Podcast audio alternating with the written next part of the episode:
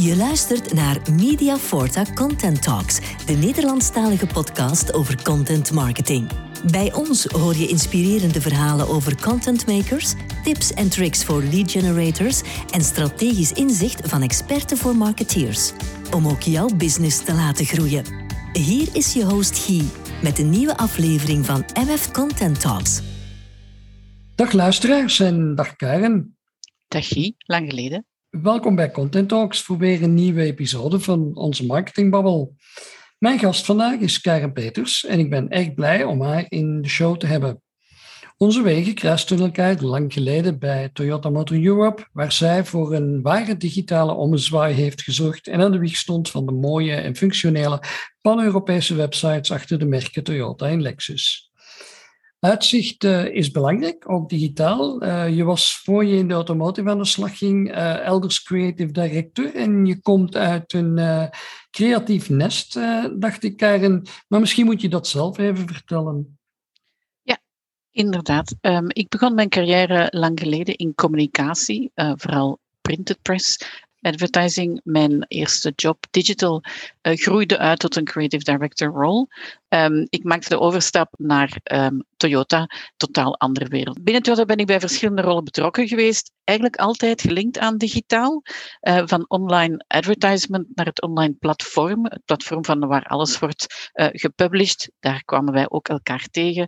Um, en dan natuurlijk verder uitgegroeid naar online retailing in combinatie met BTL-communicatie, het CAD-proces voor het digitale aanmaken van foto's, maar ook het retailer-netwerk en uh, helemaal op het einde ook customer support. En uh, op jouw businesskaartje stond uh, tot kort geleden General Manager Omnichannel Experience. Dat is mondvol. En daar wil ik het vandaag met jou over hebben, Karen. want je hebt bij het automerk in de kleine twintig jaar dat je nu aan de slag bent, de neuzen van contentproductieteams, marketing en salesafdelingen in dezelfde richting gedraaid en op elkaar afgestemd om die experience voor consumenten zo seamless mogelijk te maken. En net die transitie van binnenuit vind ik interessant. Daar gaan we het zo dadelijk over hebben. Uh, maar eerst dat woord, hè, omnichannel, uh, een buzzword onder uh, marketeers. wil jij even toelichten wat we nu precies moeten begrijpen onder omnichannel experience? Ja, omnichannel experience is eigenlijk heel letterlijk wat het zegt. Het combineren van verschillende kanalen in één uh, naadloze klantenervaring. De uitdaging bestaat erin om die kanalen op elkaar af te stemmen, omdat heel vaak die kanalen op een totaal ander tempo zijn gegroeid, um, op een heel eigen manier. En de bedoeling is om het allemaal samen te brengen in een manier waarop onze klant ook tegenwoordig leeft. Een klant gaat niet meer on of offline. Een klant is gewoon in contact met ons als een merk en wij moeten hem daarin proberen te volgen. Dat heb je uh, heel bondig verwoord. Is die perfecte doorstroom van inhoud en communicatie in diverse kanalen dan echt zo moeilijk te organiseren? Of, of slepen wij in onze bedrijven en ook in marketing nog een veel te grote berg legacy mee? Ja, in, um, in een grote organisatie als de onze en ook in heel veel andere, denk ik, nog uh, huidige organisaties, is de organisatie echt gebouwd rond de klassieke kanalen. Er is een netwerkteam um, en er is een advertising team en bijvoorbeeld een online retailing team valt er dan volledig tussenin. Zij moeten gewoon de challenge aangaan van zowel, zij zijn eigenlijk ook retailer, maar aangezien de meeste websites komen van een marketingfunctie voor ze echt een salesfunctie gaan hebben, is dat iets dat, dat echt um, vaak moeilijk evolueert. Wat ook heel typisch is, dat dat um, in heel veel organisaties zit het digitale team ergens ook onder marketing communication. Um, en ook als je dat dan gaat schalen naar uh, online retailing, dan zie je dat er heel veel gaten zitten in de uh, communicatie. Je hebt veel meer editorial touchpoints nodig, waar je kleine stukjes content hebt um, die de consument door de website heen moet leiden en die niet dadelijk naar een soort marketing product pagina gaat. Dus die, die kleine stukjes content zijn zeer belangrijk voor die uh, omnichannel experience. Ja, Ja, dat is duidelijk. Hè? Die kleine stukjes content hè, die er zo wat tussen vallen. Maar in lectuur over digitale transitie hebben de specialisten het vaak over die shift van, van de klassieke product-centric approach hè, naar een complexere relationship-centrische economie. En toch raken we niet los van het centraal plaatsen van onze producten. Hoe komt dat volgens jou? Ja, omdat de, de meeste organisaties zijn echt heel erg georganiseerd rond die productlancering. Um, er zijn eigenlijk niet zo heel veel bedrijven. En eigenlijk is automotive daar misschien toch wel een beetje een uitzondering in, maar omdat je een product hebt dat ook onderhoud vergt. Hè. Dus niet alleen ook voor het salesstuk en het lanceringsstuk, maar ook voor het after-salesstuk. Maar toch maakt dat het heel moeilijk dat eigenlijk de, de, het gewicht en de concentratie van alle activiteit gaat rond die volledige lancering. Maar de lancering van het product, laten we het over de auto hebben. Je hebt de auto als het product, maar ook het finance stuk is een product en een insurance kan ook een product zijn. En dat wordt nog heel veel apart aanschouwd in plaats van dat eigenlijk te gaan samenbrengen. Ja, en dan, die, en, en dan echt dat, dat relationship, echt dat, uh, ja, al die aspecten vanuit uh, de visie van de consument te bekijken. Ja, omdat de consument wil niet eigenlijk um, uh, gaan interageren met allemaal verschillende subbrands. In ons geval, uh, wij zijn een groot merk, zij, zij, zij denken ik ga een relatie aan met Toyota. Um, en zij gaan er niet vanuit dat er ook een divisie is die dan misschien insurance of finance noemt, um, of sales of after sales, of accessories, of uh, warranty, wat ook een product is dat je kan kopen. Ja. Dus het is heel belangrijk dat we als één naar die klant gaan, om het toch zo makkelijk mogelijk te maken. Want er is zoveel keuze op de markt um, dat die drempel verlagen door het eigenlijk te gaan streamlinen in één experience toch wel heel belangrijk is. Ja tussen de lijnen hoor ik jou dan eigenlijk zeggen dat die interne organisatiestructuren en, en budgetverdeling er vooral mee te maken heeft. En dat we eigenlijk niet altijd oog hebben voor die visie of die wil van de consument en om die centraler te stellen. Toch lees ik in een uh, recente Gartner-studie dat uh, eh, 45% van de marketeers aangeven het als een prioriteit te zien om, om boodschappen tussen hun online en offline touchpoints uh, beter te gaan orchestreren. En als, als CMO's dat als een prioriteit zien, ja, hè, waar, wringt het dan nog? Hè? Of zitten die silo's dan toch nog zodanig in de weg dat ze niet te doorbreken zijn? Of wat kunnen we doen? De silo's zijn inderdaad een heel groot probleem. En die moet je gewoon aanpakken. Het, het, blijft moeilijk, omdat natuurlijk een grote organisatie moet je op een bepaalde manier gaan organiseren. Maar ik zie toch meer en meer dat intern er wordt een soort een, je hebt een verticale organisatie die heel hiërarchisch is, maar je kan ook horizontaal gaan werken, waar je door de silo's heen rond een bepaald project gaat werken. En dat is net ideaal om eigenlijk uh, die seamless experience uh, erin te krijgen, omdat je al die mensen gaat samenbrengen van die verschillende divisies, uh, met die verschillende expertises, om telkens opnieuw de vraag te stellen, oké, is dit nou goed voor de klant? Hoe komen we over? Um, en wat kunnen we verbeteren om te zorgen dat het toch wel veel meer uh, nog seamless wordt? Maar laten we het wat uh, concreter maken. Uh, ik had het er in de inleiding van dit gesprek al over. Hè. Je bent bij de Japanse autogigant al jaren aan die weg aan het timmeren om, om, om die consument vlotter doorheen de complete journey te leiden en de ervaringen op elkaar te laten uh, aansluiten. maar hoe, hoe dat nu echt voelt voor die consument, ja, misschien moet je dat wat verduidelijken aan de hand van een voorbeeld. Ja, het, het voorbeeld dat ik meestal gebruik is, is gewoon als je kijkt naar een auto kopen. Um, tegenwoordig is dat veel complexer geworden dan vroeger. Vroeger moest je kiezen, wil ik een diesel of wil ik een benzine? En welke kleur zou mijn auto moeten zijn? En dan was je ongeveer rond. Nu, om te beginnen, je hebt veel meer verschillende um, uitvoeringen. Je hebt ook hybrides, je hebt elektrische wagens. Je hebt ook heel veel technologie die erbij komt. Je hebt een connected car, je hebt safety um, uh, features die eigenlijk de mensen niet zo heel goed kennen. Dus dat moet ook allemaal uitgelegd worden. Plus je moet gaan nadenken van hoe ga ik die auto nu kopen? Um, ga ik een, een lease aan? Uh, wat voor financieringsmodel? Of ga ik voor een shared ownership? Er zijn zoveel nieuwe modellen van ownership uh, die je kan uh, onderzoeken. En dan komt er nog alles bij wat eigenlijk te maken heeft met insurance. Dus het aantal vragen dat een, een klant moet beantwoorden voor zichzelf, voor hij de beslissing maakt van oké, ik zet mijn naam onder een contract, is, is veel langer geworden, die lijst, dan vroeger. Um, wij hadden onze journey trouwens ingericht rond uh, buy, drive en care. En eigenlijk hebben we het stukje buy um, al moeten hernoemen. We hebben heel lang gediscussieerd om wat is het, het equivalent van buy in 2021. Want het gaat niet je koopt het soms niet. Soms ga je gewoon een relatie aan, een, een lease, een, een, een verschillend ownership model. Maar ook daarin moeten wij heel bewust zijn door die stappen te benoemen dat het eigenlijk anders is. Bijvoorbeeld drive. Op dit moment is het nog van ik rij zelf met de auto. Maar stel dat drive een self-driving car wordt, dan ga je ook ander, alles anders moeten gaan bekijken. Dus de complexiteit blijft groeien. Niet alleen voor ons, uh, want wij blijven zeggen dat wij in een transformatie zijn hè, met de hele automotive industrie. Uh, maar ook voor de klant blijft de complexiteit groeien. En dat moeten wij alles aan doen door die experience eenvoudig te maken, dat hij toch door de bomen het bos nog ziet.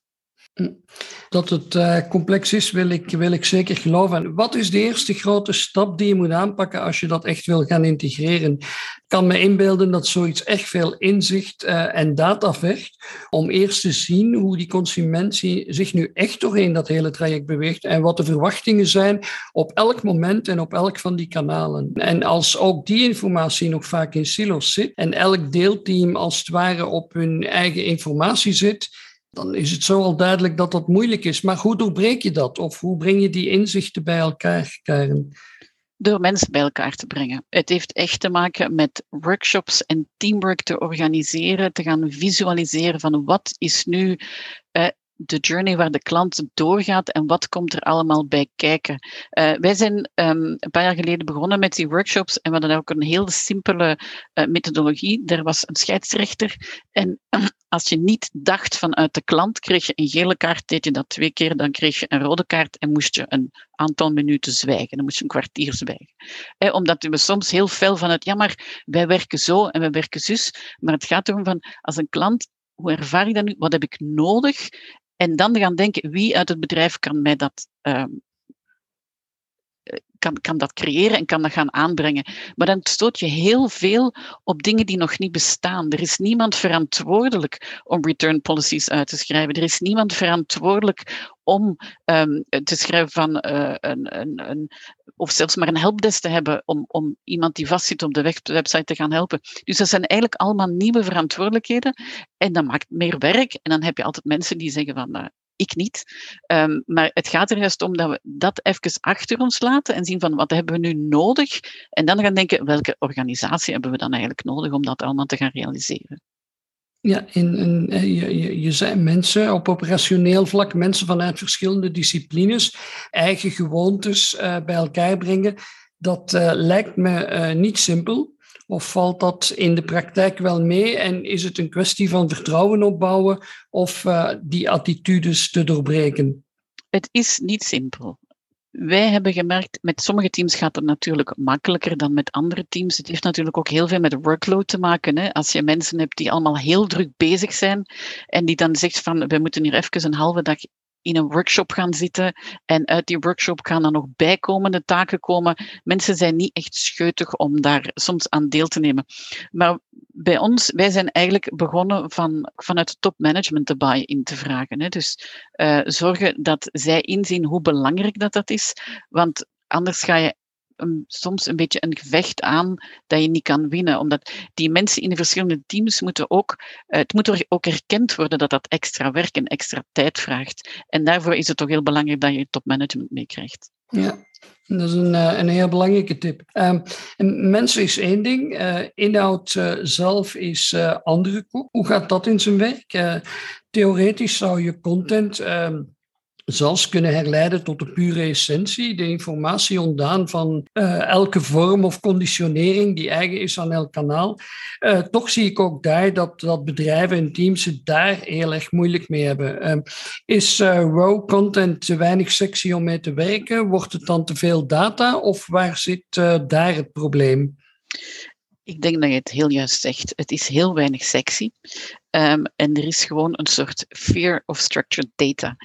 Um, Misschien uh, kunnen mensen terugdenken in uh, het begin van Google. De SEO-terminologie die je in Google moest uh, gaan steken om je search-resultaten te gaan optimaliseren. Dat was eigenlijk heel onzichtbaar werk. Um, en een marketeer wou nog altijd met zijn flashy adverts komen.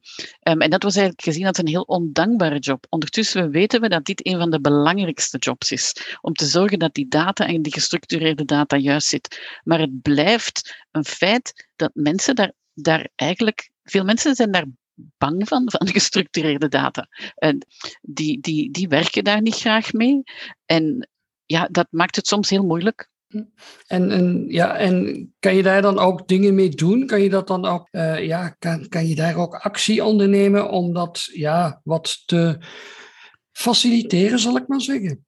Ja, het, het, het leuke aan, uh, aan datawerken is dat in het begin is het echt het is een hele klim die dat je moet doen voordat je een basis hebt. Maar vanaf dat die er is, dan begint die ook echt wel heel snel vruchten af te werpen. En dan zie je dat mensen wel enthousiast raken. Enthousiast raken. Dus het is heel belangrijk van eerst door die, ja, die heel bittere appel door te bijten, om die data gestructureerd, want je vertrekt meestal vanuit een soort chaos, hè, om die structuur daarin te brengen, om die taxonomie daarin te brengen. Um, maar eens dat dat gebeurt, dan, dan krijg je heel snel resultaat. En dan is het wel heel bevredigend voor mensen, want we weten allemaal, data is het nieuwe goud. Ja, ja dan, dan is er ook natuurlijk de, de marketinginfrastructuur uh, of, de, of de architectuur achter. Hè, want we kunnen vandaag de marketingbusiness niet langer uh, loszien van uh, technologie. Maar wat die softwareproducenten ook mogen beweren, echte platformen die het geheel aansturen, zie ik vooralsnog weinig. In de praktijk zie ik vooral een aaneenschakeling van heel wat uh, verscheiden tools die onderling met elkaar gekoppeld worden. Is dat ook wat jij ervaart? Ja, Um, wij zijn binnen Toyota een paar jaar geleden het OCA-project gestart, Omnichannel Architecture. En dat heeft eigenlijk echt enkel te maken met die technologie. En die architectuur bestond uit een aantal uh, specifieke databronnen productinformatie, pricing information um, enzovoort. En daarop ga je dan een aantal uh, systemen en processen leggen die eigenlijk alles moeten gaan enablen. Want um, als je alles echt seamless wil maken, naadloos, uh, of je nu online bent of bij de dealer, moeten die systemen ook allemaal uit dezelfde bron komen. Of die moeten aan elkaar gekoppeld worden. En dat is toch wel een gigantische operatie. Maar opnieuw, dat is een heel erg bittere appel waar je nu eenmaal door moet. Ja, je bedoelt hier denk ik de datasynchronisatie. En dat lijkt mij inderdaad een hele klus om al die silos ook op elkaar af te stemmen. Als we bijvoorbeeld denken aan iets zo gescheidingsbanaals als consentbeheer in functie van GDPR. In, in praktijk zie ik soms dat dat aards moeilijk is om af te stemmen. En als consument blijf je dan op je honger zitten. Je meldt je af bij een nieuwsbrief en the very next day krijg je een folder in de bus. Of word je gebeld door een callcenter. Ik denk, we, ik denk, we kennen allemaal die voorbeelden, denk ik. Uh, kan je daar ook nog iets over zeggen? Al realiseer ik mij dat dit aspect misschien minder centraal en meer bij de distributeurs en, en dealerbedrijven speelt. Oh, toch zijn we daar heel erg mee bezig. Ik herinner mij, um, een van onze landen, eh, Toyota Europe is verantwoordelijk voor een, een hele groep landen. Um, als wij begonnen met Omnichannel, hebben die een oefening gedaan en die hebben um, iemand die een nieuwe wagen koopt, is gaan kijken van wat is de post dat die persoon nu krijgt. Zowel e-mail als uh, de, de, de, papieren post. die hebben dat allemaal eens mooi afgeprint en op een muur gehangen. En het bleek uh, dat sommige mensen zeven welkombrieven krijgen.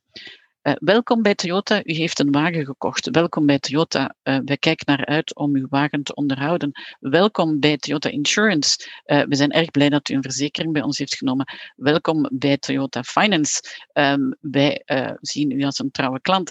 Enzovoort, enzovoort. En dat is eigenlijk omdat die elke, elke dienst, elk onderdeel van het bedrijf had toen eigenlijk zijn eigen um, Um, silo. Silo. Um, en als dat niet geconnecteerd is, dan kan je nog zo goed uh, gaan proberen om je communicatie te gaan spreiden in de tijd. Als jij niet weet wat de andere silo doet, kan het zijn dat jouw klant op één nacht twee mails van jou krijgt. Maar voor de klant is er maar één Toyota. En, en daar gaat het om. Dus als je heel dat omnichannel juist wil krijgen, maakt het, is het ook heel belangrijk dat uh, vanuit, uh, vanuit de klant dat je, dat je maakt dat je als één bedrijf naar voren komt. En dat ene bedrijf is zowel ehm, en daar zit ook dat, dikwijls het uh, wringt het schoentje, dat het digitale is iets dat op een nationaal of op Europees niveau wordt beheerd, terwijl het, het fysieke kanaal is iets dat bij de uh, retailer hoort. En dat is heel erg lokaal. En toch moet je dat lokale en dat nationale of internationale op elkaar gaan afstemmen.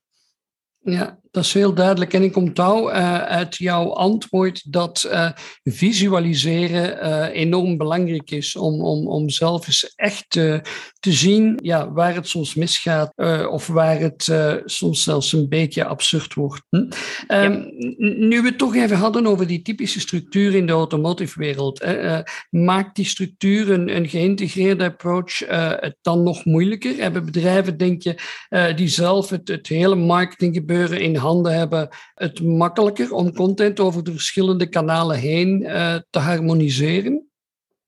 Wel, ik refereerde er uh, net ook al een beetje naar, hè, dat je die dimensie hebt van het, het, uh, het fysieke kanaal dat heel lokaal is en dan het digitale kanaal, kanaal dat eigenlijk dan meer op een hoger niveau gebeurt. En dat maakt het natuurlijk extra moeilijk. Maar daar is het belangrijk dat wij onze retailers meekrijgen met het hele verhaal. Want anders gaan zij blijven solo spelen en dan kan je nooit de omnichannel laten werken. Ja, dus je moet echt iedereen van, van hoog tot laag uh, ja. in, dat, uh, in dat proces meetrekken. Hoe zie je de toekomst van uh, Omnichannel, uh, Karen? Uh, wordt alle contentproductie eindelijk losgekoppeld van de kanalen? Gaat die Omnichannel experience, het, het, het marketinggebeuren, overstijgen? En, en de klassieke opdelingen in onze ondernemingen, als je alle content in ogenschouw neemt, toch um, doorbreken? Um, hoe, hoe zie je de toekomst? De, de toekomst zal Omnichannel blijven, maar het woord omnichannel is iets dat bedrijven hebben uitgevonden om zichzelf te organiseren. De klant denkt helemaal niet omnichannel, die verwacht dat het gewoon zo is. Um, ik hoorde ooit op de radio dat ze een studie hadden gedaan, denk aan een of andere universiteit, en ze hadden aan jongeren gevraagd van um, hoe ben je on of offline? En die jongeren hadden zoiets van, wat, wat, wat vraag je nu? Uh, ik ben gewoon altijd online. Dat is niet, wij denken nog aan die modem die ding, ding, ding zijn van ik ga online. Maar het, uh, het, de realiteit is gewoon omnichannel. Um, en langzaamaan, en hopelijk gebeurt dat op de duur ook, gaat eigenlijk alles automatisch uh, vanuit het omnichannel perspectief worden bekeken. Het grote probleem is op dit moment dat de meeste mensen, vanaf dat er iets digitaal moet gemaakt worden, dan denken ze, oké, ik moet naar mijn digital team gaan. Terwijl als er bijvoorbeeld een stukje, uh, een leaflet moet gemaakt worden, dan denkt elk team, ik kan dit zelf. Er is nog altijd een fear for technology. Um, en zolang dat die er is en zolang dat mensen niet denken, in elk stuk van elke job moet je denken aan het feit dat de helft van ons leven zich digitaal afspeelt. Als we daar niet van uitgaan, dan gaan we nooit omnichannel zijn. Ik, ik denk dat de weg nog redelijk lang is. En we zitten weer bij de, bij de mensen. Je gaf me ja. uh, in het voorgesprekje al aan dat je je tegenwoordig vooral wilt focussen uh, op de HR-zijde, uh, de mensen dus. Hè? En mm-hmm. dat is een opmerkelijke carrière move, maar eentje die in het kader van die digitale transitie ook weer kan tellen. misschien wil je een tip van die sluier oplichten. Al denk ik dat dat onderwerp op zich misschien wel een aparte podcastaflevering behoeft. Ik kan er inderdaad een heel lang verhaal van maken, maar om het heel kort te maken. Eén, als ik aangaf binnen het bedrijf dat ik naar de HR-zijde wilde verhuizen, dan keek mij iedereen met verstomming aan van waarom. Um, maar ik heb daar een heel, heel, heel erg duidelijke reden voor. Voor mij, de digitale transformatie en alle grote buzzwords waar we het de laatste jaren over uh, hebben gehad, zijn eigenlijk veel minder. De technologie is voor mij veel minder belangrijk dan de mensen. De, de technologie is eigenlijk een taal die iedereen moet leren. Het is een, een vak, een kennis. En ik heb het gevoel, en dat is ook heel duidelijk geworden nu met de pandemie, hè, dat heel veel mensen die taal absoluut nog niet spreken. En binnen het bedrijf was het ook heel moeilijk om telkens die discussie aan te gaan met de mensen die die digitale taal nog niet beheersten.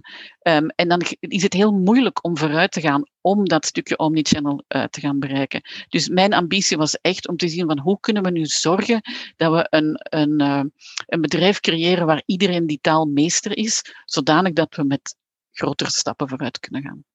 Ik ga jou uh, daarbij heel veel succes wensen en, en, hopelijk kunnen we daar ook nog eens een uh, babbel over hebben in, uh, in de toekomst. we zijn alweer bijna aan het einde. mijn klassieke afsluiter. wat wil jij de luisteraar nog meegeven voor de rest van 2021? Goh, um, ik denk 2021 en 2022 zullen jaren zijn waar een pandemie eigenlijk nog steeds om de hoek loert.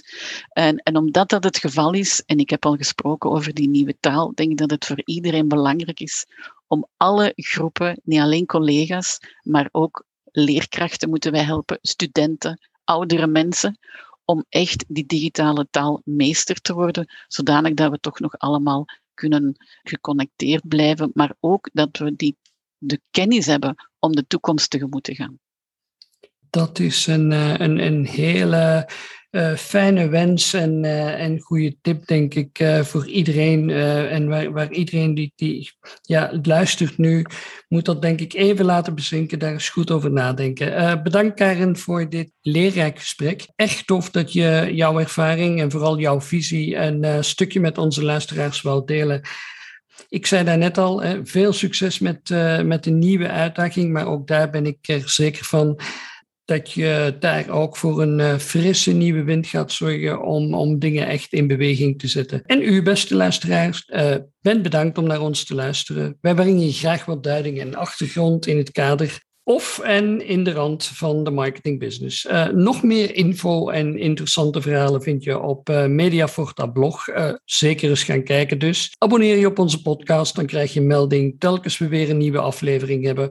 Of stuur eens een linkje naar je vrienden en kennissen van wie je denkt dat zij ook wel graag naar ons willen luisteren. Op die manier kunnen we Content Talks blijven maken en interessante sprekers bij jou in de luidspreker brengen. Fijn dat u erbij was en tot snel.